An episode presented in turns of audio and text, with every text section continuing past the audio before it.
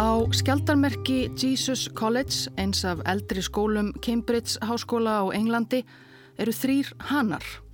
Og um áratuga skeið stóð í matsal skólans myndarleg bronsstitta af spertum hana, hani er einkennistýr skólans. Lengi vel heldu nefendur Jesus College mikið upp á þetta lukkudýr sitt sem staðið hefur á sínum stað í matsalnum frá árinu 1905 Þegar breskur herfóringi, fadir þáverandi nefnda við skólan, gaf skólanum stittuna.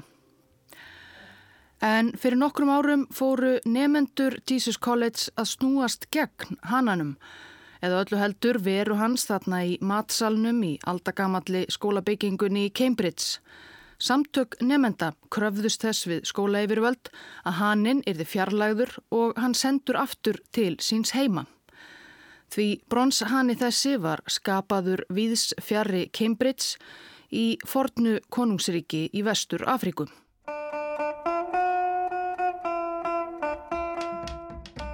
Samkvæmt sköpunarsögu etóþjóðarinnar var í upphafi ekkert nema lingt vatn og á vatninu flöut maður.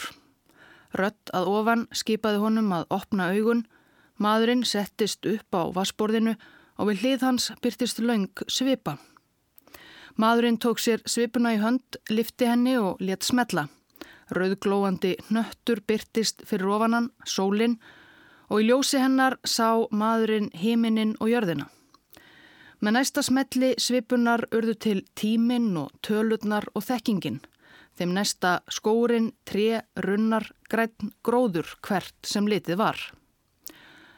Svo fylltist skórin af dýrum sem hildu mannin og þökkuðu honum lífgjöfina, hleparðin, naðran og haugurinn og þau fóru svo og fundu sér sína staði í spánníu lífríkinu.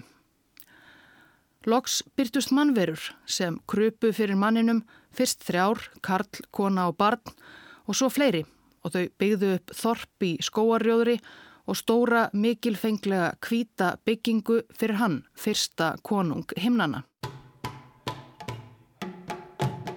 Upphafið hefur kannski ekki verið alveg svona en einhver tíman fyrir mörg þúsund árum leitt Edo þjóðin dagsins ljós einhver staðar í Fenjaskóunum við bakka Níkerfljótsins mikla í suðvestanverðri Afríkum. Um raunverulega frumsögu Edo fólksins, þjóð náskild öðrum á þessu svæði sem nú er Níkerja, Jórupa þjóðinni og Ygbóum, það vitt við lítið því þau áttu lengst af ekki rittmál og rittuðu ekki sögu sína sjálf. En engu tíman hafa Þorp Edoa við Níkerbakka stækkað og elfst undir stjórn eins leðtoga, arftaka fyrsta himnakonungsins og smátt og smátt orðið að upplugu konungsríki. Í sögu Afríku fyrir komu evróskra nýlendu kúara er stundum látið sem að í álfunni hafi ekkert verið fyrir nema frumstæð smáþorp og ættbálkar, engin merkileg saga á við það sem Evrópumenn áttu að venjast að heiman, engir konungar, engin konungsríki. Það eru þetta ránt í henni myndu svörtu Afríku spruttu vissulega fram öflug ríki og konungstæmi rétt eins og annar staðar í aldanar ás. Þið mikla keisaraveldi Eþjópiumanna í austanverðri Afríku gafst aldrei upp fyrir Evrópumönnum eins og rakið hefur verið hér í þessum þætti til að mynda. Og þjóðir vestanverðarar álfunar áttu sér sömu leiðis mun merkilegri sögu en Evrópumenn grunaði fyrst. Á 15. öld samkvæmt okkar tímatali var konungsríki Edoana orðið það allra öflugasta í vestur Afríku og reði yfir stóru landsvæði begja vegna nýgerfljótsins og niður að strönd Gínuuflóa. Land sem Edofólkið hafði að hluta til lagt undir sig með stríðsrekstri gegn öðrum smáþjóðum á svæðinu. Regnskórin upp með nýger var ríkur af ymsum öðlindum timbri og jurtum, dýrum til veiða og í þverám nýger spriklaði allt af fiski. Land Edoana var svo í alfaraleið verslunar og viðskipta á svæðinu, milli sjávar og Sahara. Edoar höfðu nógu að býta og brenna. Þau kölluðu ríki sitt, ríki himnakonungsins, ímsum nöfnum, en Evrópumenn komið til með að nefna það eftir miðpunkti þess ramgerðarar höfuðborgarinnar sem edóar reistu langt inn í regnskóinum, umlukin miklum moldargörðum og díkjum, Benín. Þeir evrósku ferðalangar sem börðu Beninborg fyrstir augum undir lok 15. aldar lístu fyrst og fremst stærð borgarinnar og hinnum miklu varnargörðum. Innan múrana höfðu ettoar svo byggt upp flókið, miðstýrt efnahags og stjórnkerfi sem hverfiðist um konungin hálf guðlega veru sem hafðist við í stóri höllu sinni með fjölmennri hirð aðalsfolks og þjóna. Portugalar voru fyrstu Evrópamennir sem komist í samband við Íbúa Benin og fóru að stunda við þá viðskipti.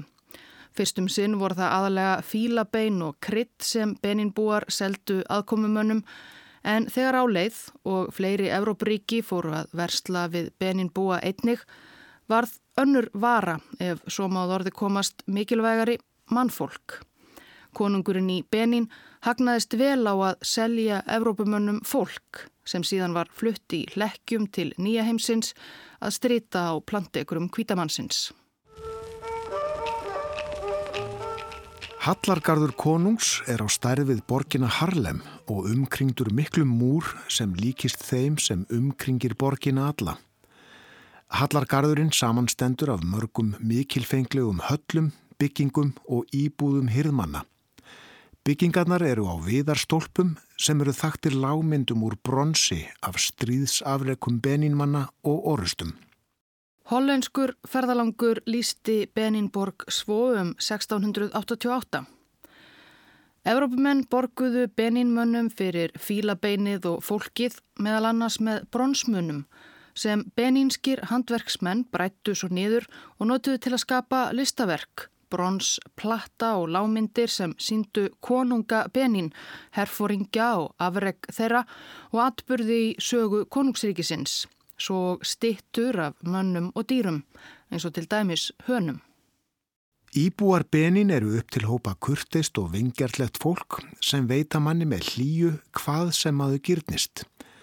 Sama hvað maður býður þeim fyrir kurtisi sakir fær maður tvöfall tilbaka.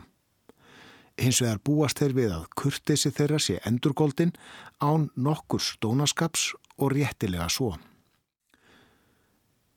Að reyna að taka eitthvað frá þeim með valdi eða óðbeldi væri eins og að reyna að tegja sig eftir tunglinu og verður þá aldrei látið afskipta lust. Þegar kemur að viðskiptum er þeir mjög strángir og líða ekki minsta brot á síðum sínum. Ekki agnar ögn má breyta. En þegar maður sætti sig við síðu þeirra er þeir geðgóðir og vilja gera allt til að ná samkommulegi. En ílt orð fór þó fljótt að ganga að finnum geðgóðu og gesturistnu í búum Beninborgar. Evróskir gestir til borgarinnar báru ekki einungis vitni um viðskiptavit Beninmanna og vingjarlegheit, heldur sáður einnig ummerki um öllu óhugnalegri síði þeirra. Breskur ferðamaður saði svo frá. Ég sá stóran hóp manna sem allir voru handjárnaðir og hlekkjaðir. Eirun á þeim öllum hafðu verið skorin af ekki með skærum heldur sneitt af höfðinu með rakblaði. Þetta var hryllileg sjón, sannarlega. Það gróf í sárunum sem voru þakin flugum af öllum stærðum og gerðum og vesalingsmennir gátt ekki hreift höndu til að stukka þeim burt. Gáttu hvorki setiðin í leið úti í steikjandi sólinni.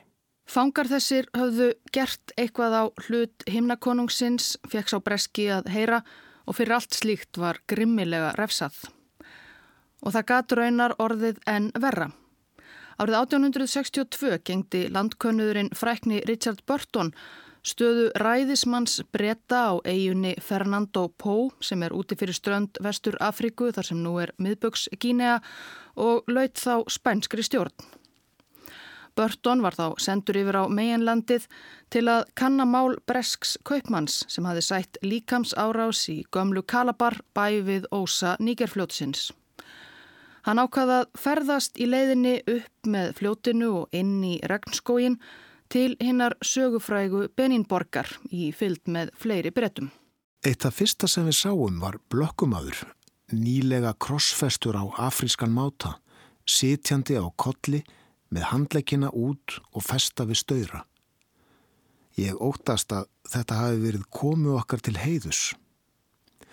Við gengum að höllu konungsins, leiðin var allsett höfukúpum og mannabeinum. Í fyrstu heimsókn okkar til hallarinnar sáum við lík fingerðrar ungrar konu fest í trjátoppi. Það var ákall um regn. Næsta morgun sáum við við dyr okkar lík manns með brotna sköplunga og hálsin skorinn. Á leiðinni á markaðinn sáum við blóðpoll þar sem öðru fórnalambi hafi verið slátrað. Fórnarlamp í orðsins fylstu merkingu. Mannfórnir hafðu nefnilega um aldir verið liður í trúarbröðum beninmanna. Fólki var reglulega slátrað með ýmsum leiðum, guðunum og himnakonungum fortíðar til dýrðar og til að byggja æðri máttarvöld um ímislegt, regn á þurkatímum, sigur á vigvellinum eða hagstæð viðskipti.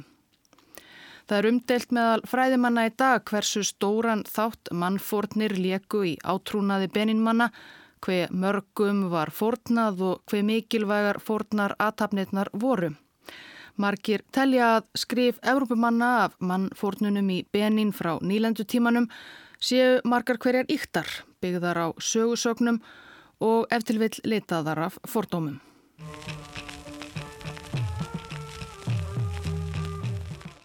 Fólk, fólk á lífi sem sé, var sem fyrir segir lengi einn helsta útflutningsvara Benin, þrælar. Í afríska þrælabransanum voru brettar lengi stórtækir. En þegar leið á átjándualdina fóru að byrtast teikna á lofti um að þrælasala er þess enn bönnuð í breska heimsveldinu. Þá fóru kaupmennir í Liverpool og öðrum hafnarborgum Bretlands að leita sér að öðrum leiðum til að hagnast í eða á Afríku á löglegan hátt. Eitt af því sem þá varð mikilvægara en þræladnir var pálmaolja. Pálmaolja er unnin úr aldingkjöti ávakstar oljupálmans og hafi verið notuð í vestanverðri Afríku um aldir til matargerðar þar sem oljupálmin vex víða viltur. En oljan gæti einnig nýst í margt annað eins og til að smyrja vélaverk í breskum versmiðjum sem og í sápugerð og fleira. Upp með ósum nýgerfljótsins og þvera á að þess ógs svo mikið af oljupálma að brettar tóku að kalla svæðið oljufljótin, Oil Rivers. Það var svo meira en öld síðar, laungu eftir að nafnið oljufljótin var dottið uppfyrir, sem það uppgöttaðist að ósar nýger er veitnig auðvýr af annars konar olju en dýrmætari, en það er önnu saga. Árið 1807 þegar breska heimsveldið bannaði loks þrælaverslun, þó ekki þræla hald alveg strax, þá voru helstu þrælakaupmenn breyta snöggir að skipta yfir í pálmáliubransan. Á fyrstu áratugum 19. aldar markfaldaðist það magn pálmáliu sem flutt var til Breitlands og regnskóar fjarlægu vestur Afríku sáu til þess að reiksbúandi versmiður yðnbildingarinnar í Breitlandi gengju smurt. Um þetta leiti í byrjun 19. aldar hafði Beninveldið mátt muna sinn fývil fegri. Valdi himnakonungsins hafði nignað og Benin var ekki lengur það stórveldi á svæðinu sem það eitt sinn var. Á útjæðri konungsríkisins við ósa oljufljótana við Gínauflóa fór orðið lítið fyrir konunginum í Benin og hann skipti þjóðarbrotin og ættbálkana sem þar byggu litlu máli þó svæðið hafi eitt sinn tilheirt ríki hans. Í raun voru þetta orðið sjálfstæð smáríki sem skiptu bara beint við kvítu kaupmennina sem komu Siglandi frá Breitlandi og öðrum Evrópuríkjum án nokkurar milligöngu konungsins í skóginum og hyrðar hans. Á ofanverðri 19. öld færðist ákjafði kapplaup Evrópuríkja um áhrif og yfirráð í Afríku. Árið 1884 bóði Otto von Bismarck Þískalands kanslari til ráðstefnu í Berlín til að skera úrum málefni Afríku. Þar sem fulltrúar stórvelda Evrópu ríndu í landakort og riður áðum sínum um hvernig bæri að skipta heimsálfunni á meillisín. Þar var meðal annars ákveðið að ósar hérna svokulluðu óljufljóta og landið upp með fljótunum erði á áhrifasvæði breyta. Breskir pálmáliu kaupmenn voru orðnir svo stórtækir á svæðinu að það lág beinast við. Að sjálfsögðu fengu íbúar við ósanna engur ráðið um þessa ákvörðun Ekki frekar en aðrir Afrikumenn fengju nokkuð að segja um þau landamæri sem evróskir embættis og stjórnmálamenn rissuðu á Afrikukortið í kanslara bústaðnum við Vilhelmstrasse í Berlín og áttu eftir að hafa gríðarleg áhrif á sögu álfunar og 2 miljónir íbúa hennar næstu áratugina. Upp úr Berlínar ráðstefnunni stopnuðu breytar það sem fyrst kallaðist oljufljóta verndarsvæðið, Oil Rivers Protectorate, og síðar Níkerstrandar verndarsvæðið eða Niger Coast Protectorate. Útsendarar breskra stjórnvalda fóru um landið og sömdu við höfðingja um að afsala sér löndum sínum í þeirra hendur, játa Viktorju breytadrottningu hotlustu og veita breskum kaupmönnum sérstök kostakjör. Þetta voru að sjálfsögðu ósangjarnir samningar fyrir heimamenn og vildu menn ekki semja, gatt farið illa fyrir þeim og þeirra fólki. Bretar hikuðu ekki við að beita valdi gegn þjóðarbrótum og ættbálkum sem stóðu í vegi þeirra á verslunarinnar. Smátt og smátt treystu bretar þannig stöðu sína við bakka nýger og ferðu út kvíarnar.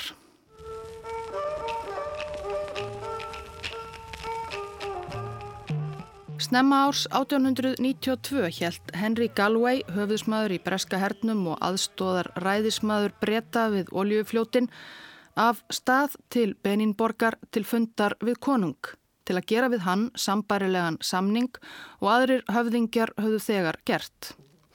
Það var til mikils að vinna í skóum Beninveldisins úði og grúði af dýrmætum oljupálma.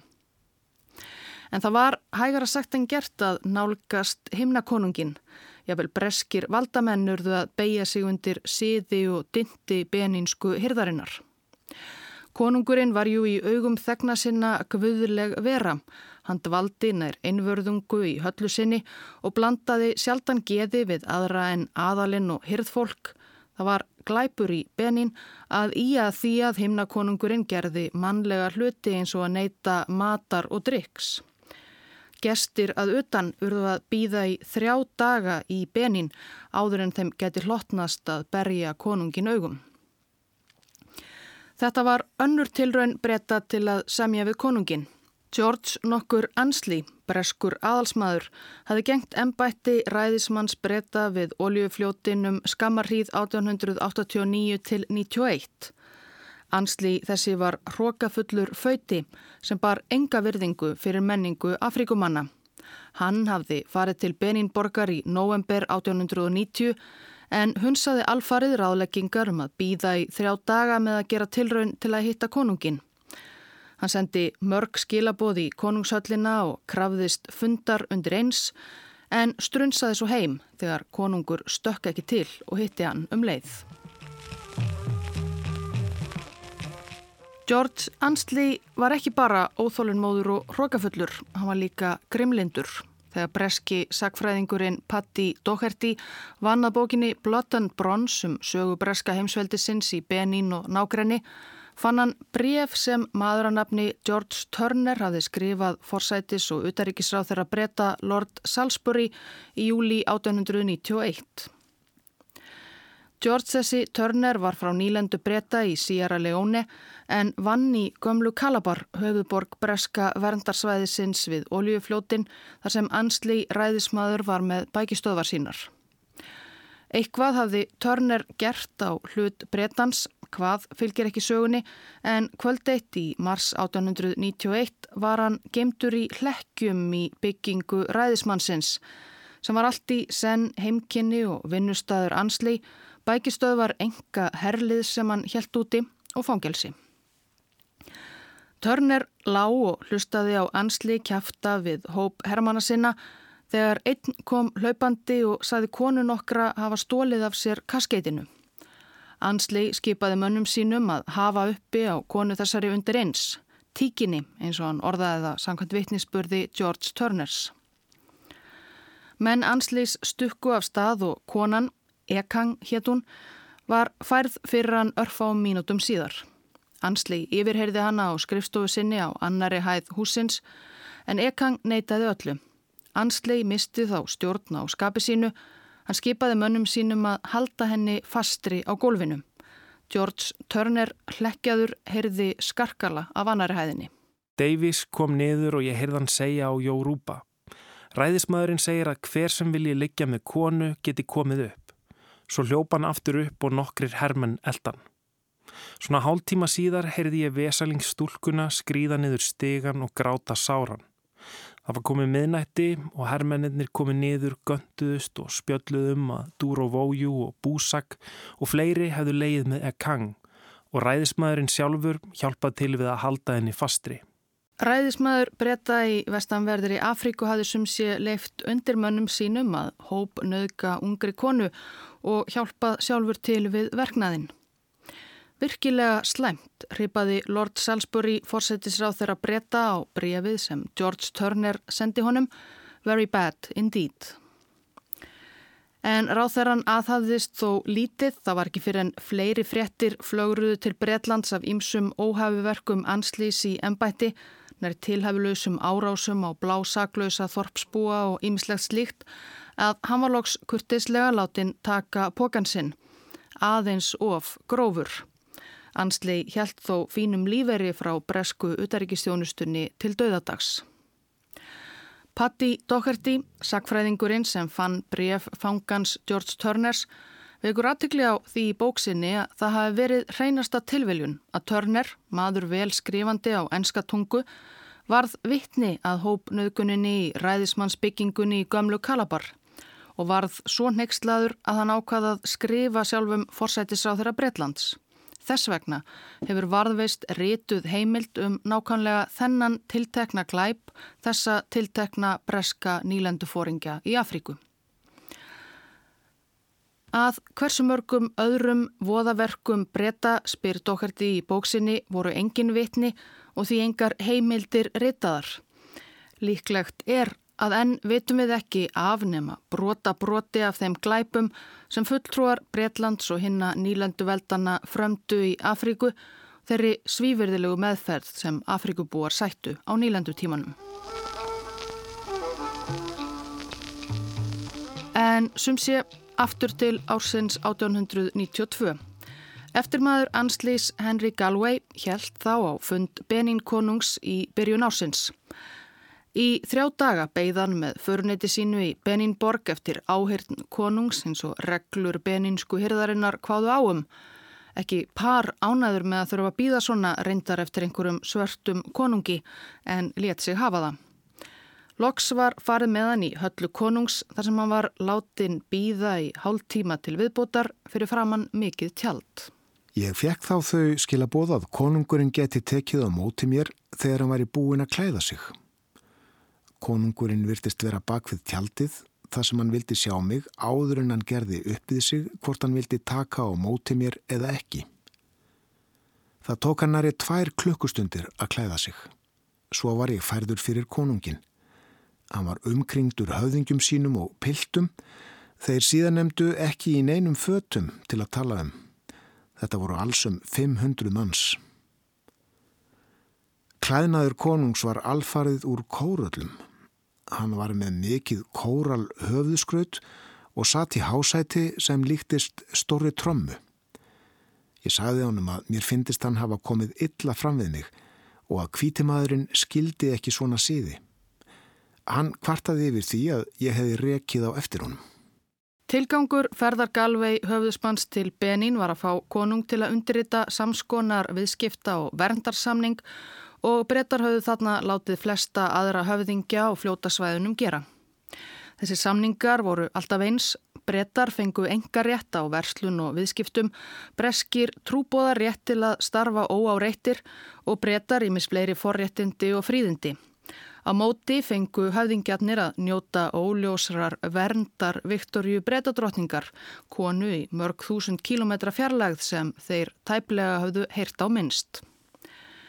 Hversu mikið höfðingjarnir skildu af samningunum kæruðu breytarnir sig lítið um, fæstir voru þeir skrifandi svo að það nægði að setja bara X í stað undirskriftar. Það var ekkert mál, nýlenduveldin hafði jú stundað svona samninga gerð lengi. Fyrir Berlínar ráðstefnuna örlagaríku hafði Henry Morton Stanley til að mynda ferðast um Kongo og látið höfðingja þar skrifa undir afsal landa sinna og allra auðlinda til Leopolds Belgíukonungs.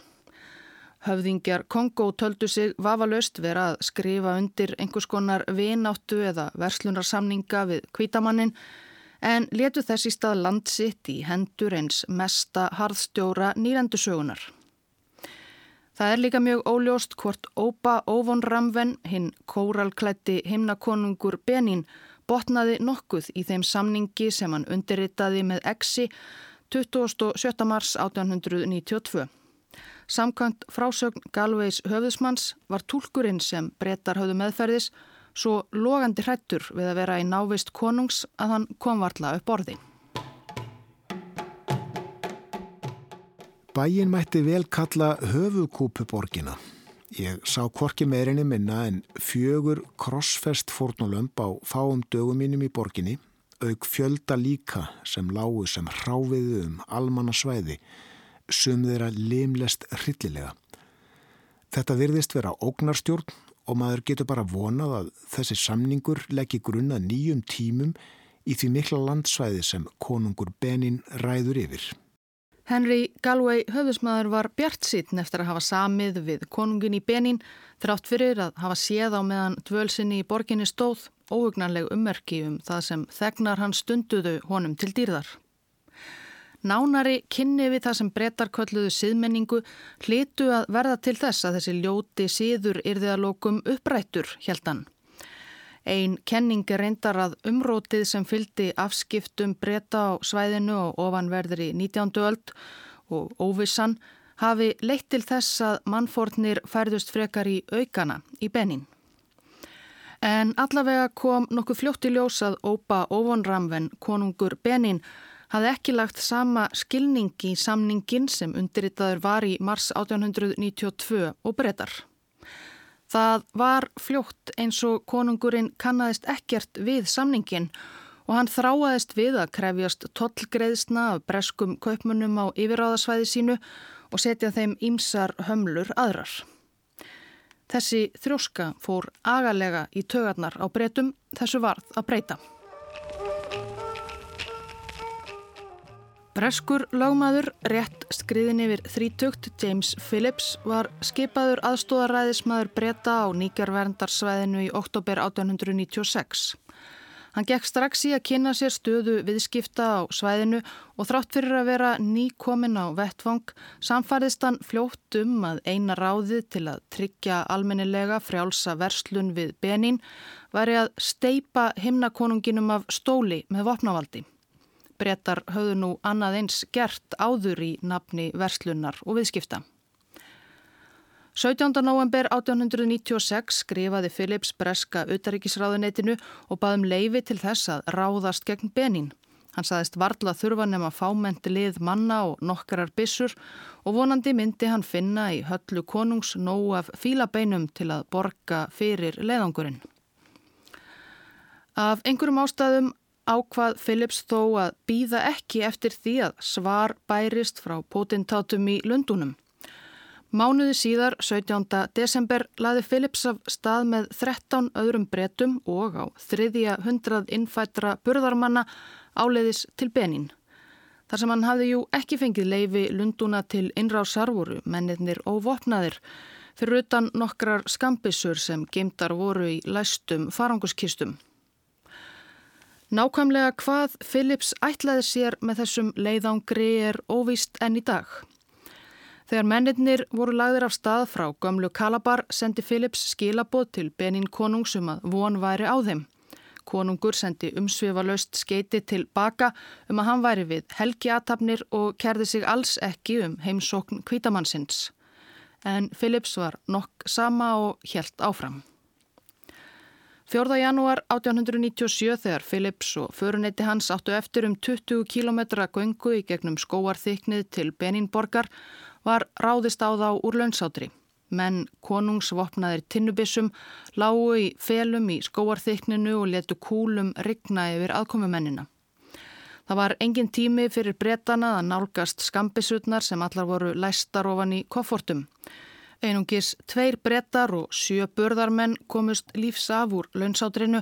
Bretarnir tveir ráfuðu í fimm daga særðir í skóinum áður en þeir römpuðu á þorp þar sem innfættir hjúgruðu þeim og hjálpuðu. Þegar fréttist af dauða Philips og félaga að fendi Beninmanna vakti það gífurlega reyði í Breitlandi.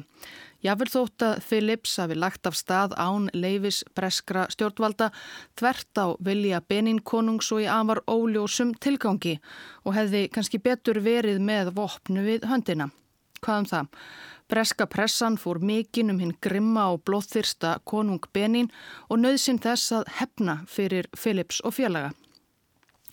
Í þá herskáu orðræðu blandaðist fljótt einnig það sjónarmið að breytum bæri að koma benin konungi frá til að losa þjóðhansundan hans hryllilega oki og uppræta hérna villimannslegu siði, mannfórnir og pyntingar. Þetta væri hreinlega siðferðisleg skilda breska heimsveldisins. Lítið var minnst á það sem hafði verið helsta kapsmál breyta hinga til að tryggja breskum kaupmönnum greiðan aðgangað auðlindunum í skóum benin. Pressan, breska þjóðin og stjórnvöld voru alltjent sammála um að konunginum í blóðborginni benin yrði að refsa og það strax. Harry Rawson Admirál, yfirmanni breska flotan söður við góðrarvonarhöfða var falið að fara fyrir svo kalluðum Benin refsileiðangri Benin Punitive Expedition. Rósson átti langan ferilað baki og hafði til að mynda árið áður 1896 leitt herlið breyta í stista stríði heimsögunar þegar bresk herskip letu sprengjum regnaði við soldánshöllina á Sansibar og knésettu soldánin á aðeins 38 mínútum. Verkefni hans í Benín var einfalt. Hann átti að taka konungin til fanga eða af lífi og gjör eigða veldi hans, leggja Beninborg í rúst. Með sér fekk hann 1200 manna lið bæði landa sína og hermenn af vestur afrísku hásaþjóðinni sem breytar álitu sérlega hendua til hernaðar og heilan helling af nýjustu skotvopnum og stríðstólum. Það var ekkert til sparað og breytar höfðu hraðar hendur. 9. februar 1897, rúmum mánuði eftir að James Phillips og menn hans voru drefnir, marseraði hemdar hersingin inn á beninst yfiráðasvæði. Það var ekki um að villast í hvaða erindagjörðum þeir voru og lendu þeir fljótt í skotríð heimamanna úr skóarþeikninu.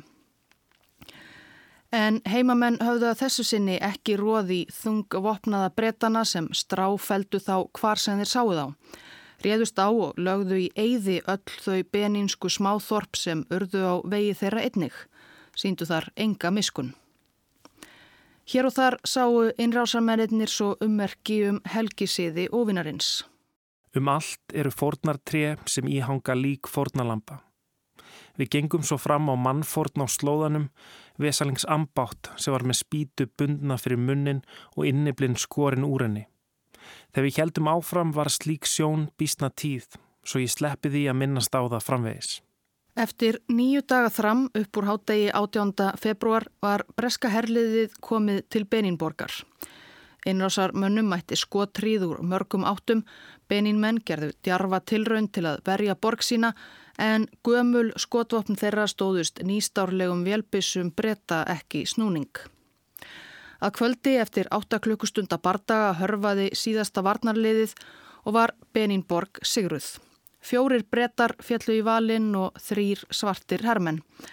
Engar heimildir eru um mannfall í liði Beninmanna. Brettar höfðu ekki sérstakann áhuga á að halda því til haga. Svo mjög var brettum ekki umhugað um velferð Beninbúa. En flest bendið til þess að margir hafi fallið konur, karlar og börn.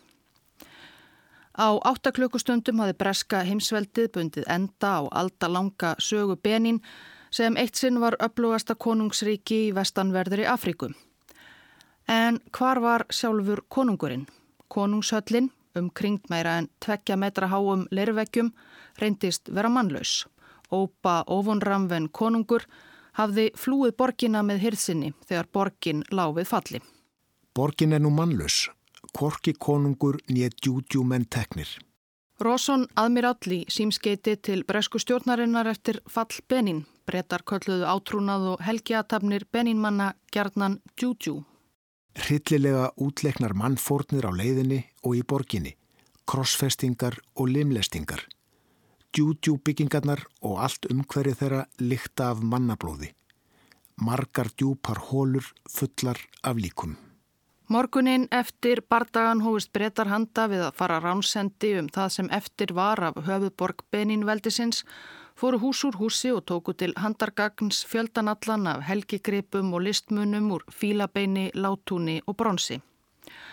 Í konungshöllinni voru meira en þúsund bronsskildir með myndum af mönnum og dýrum í hennum enginandi stíl beninskra handverksmanna. Öllu þessu var pakkað niður til Breitlands.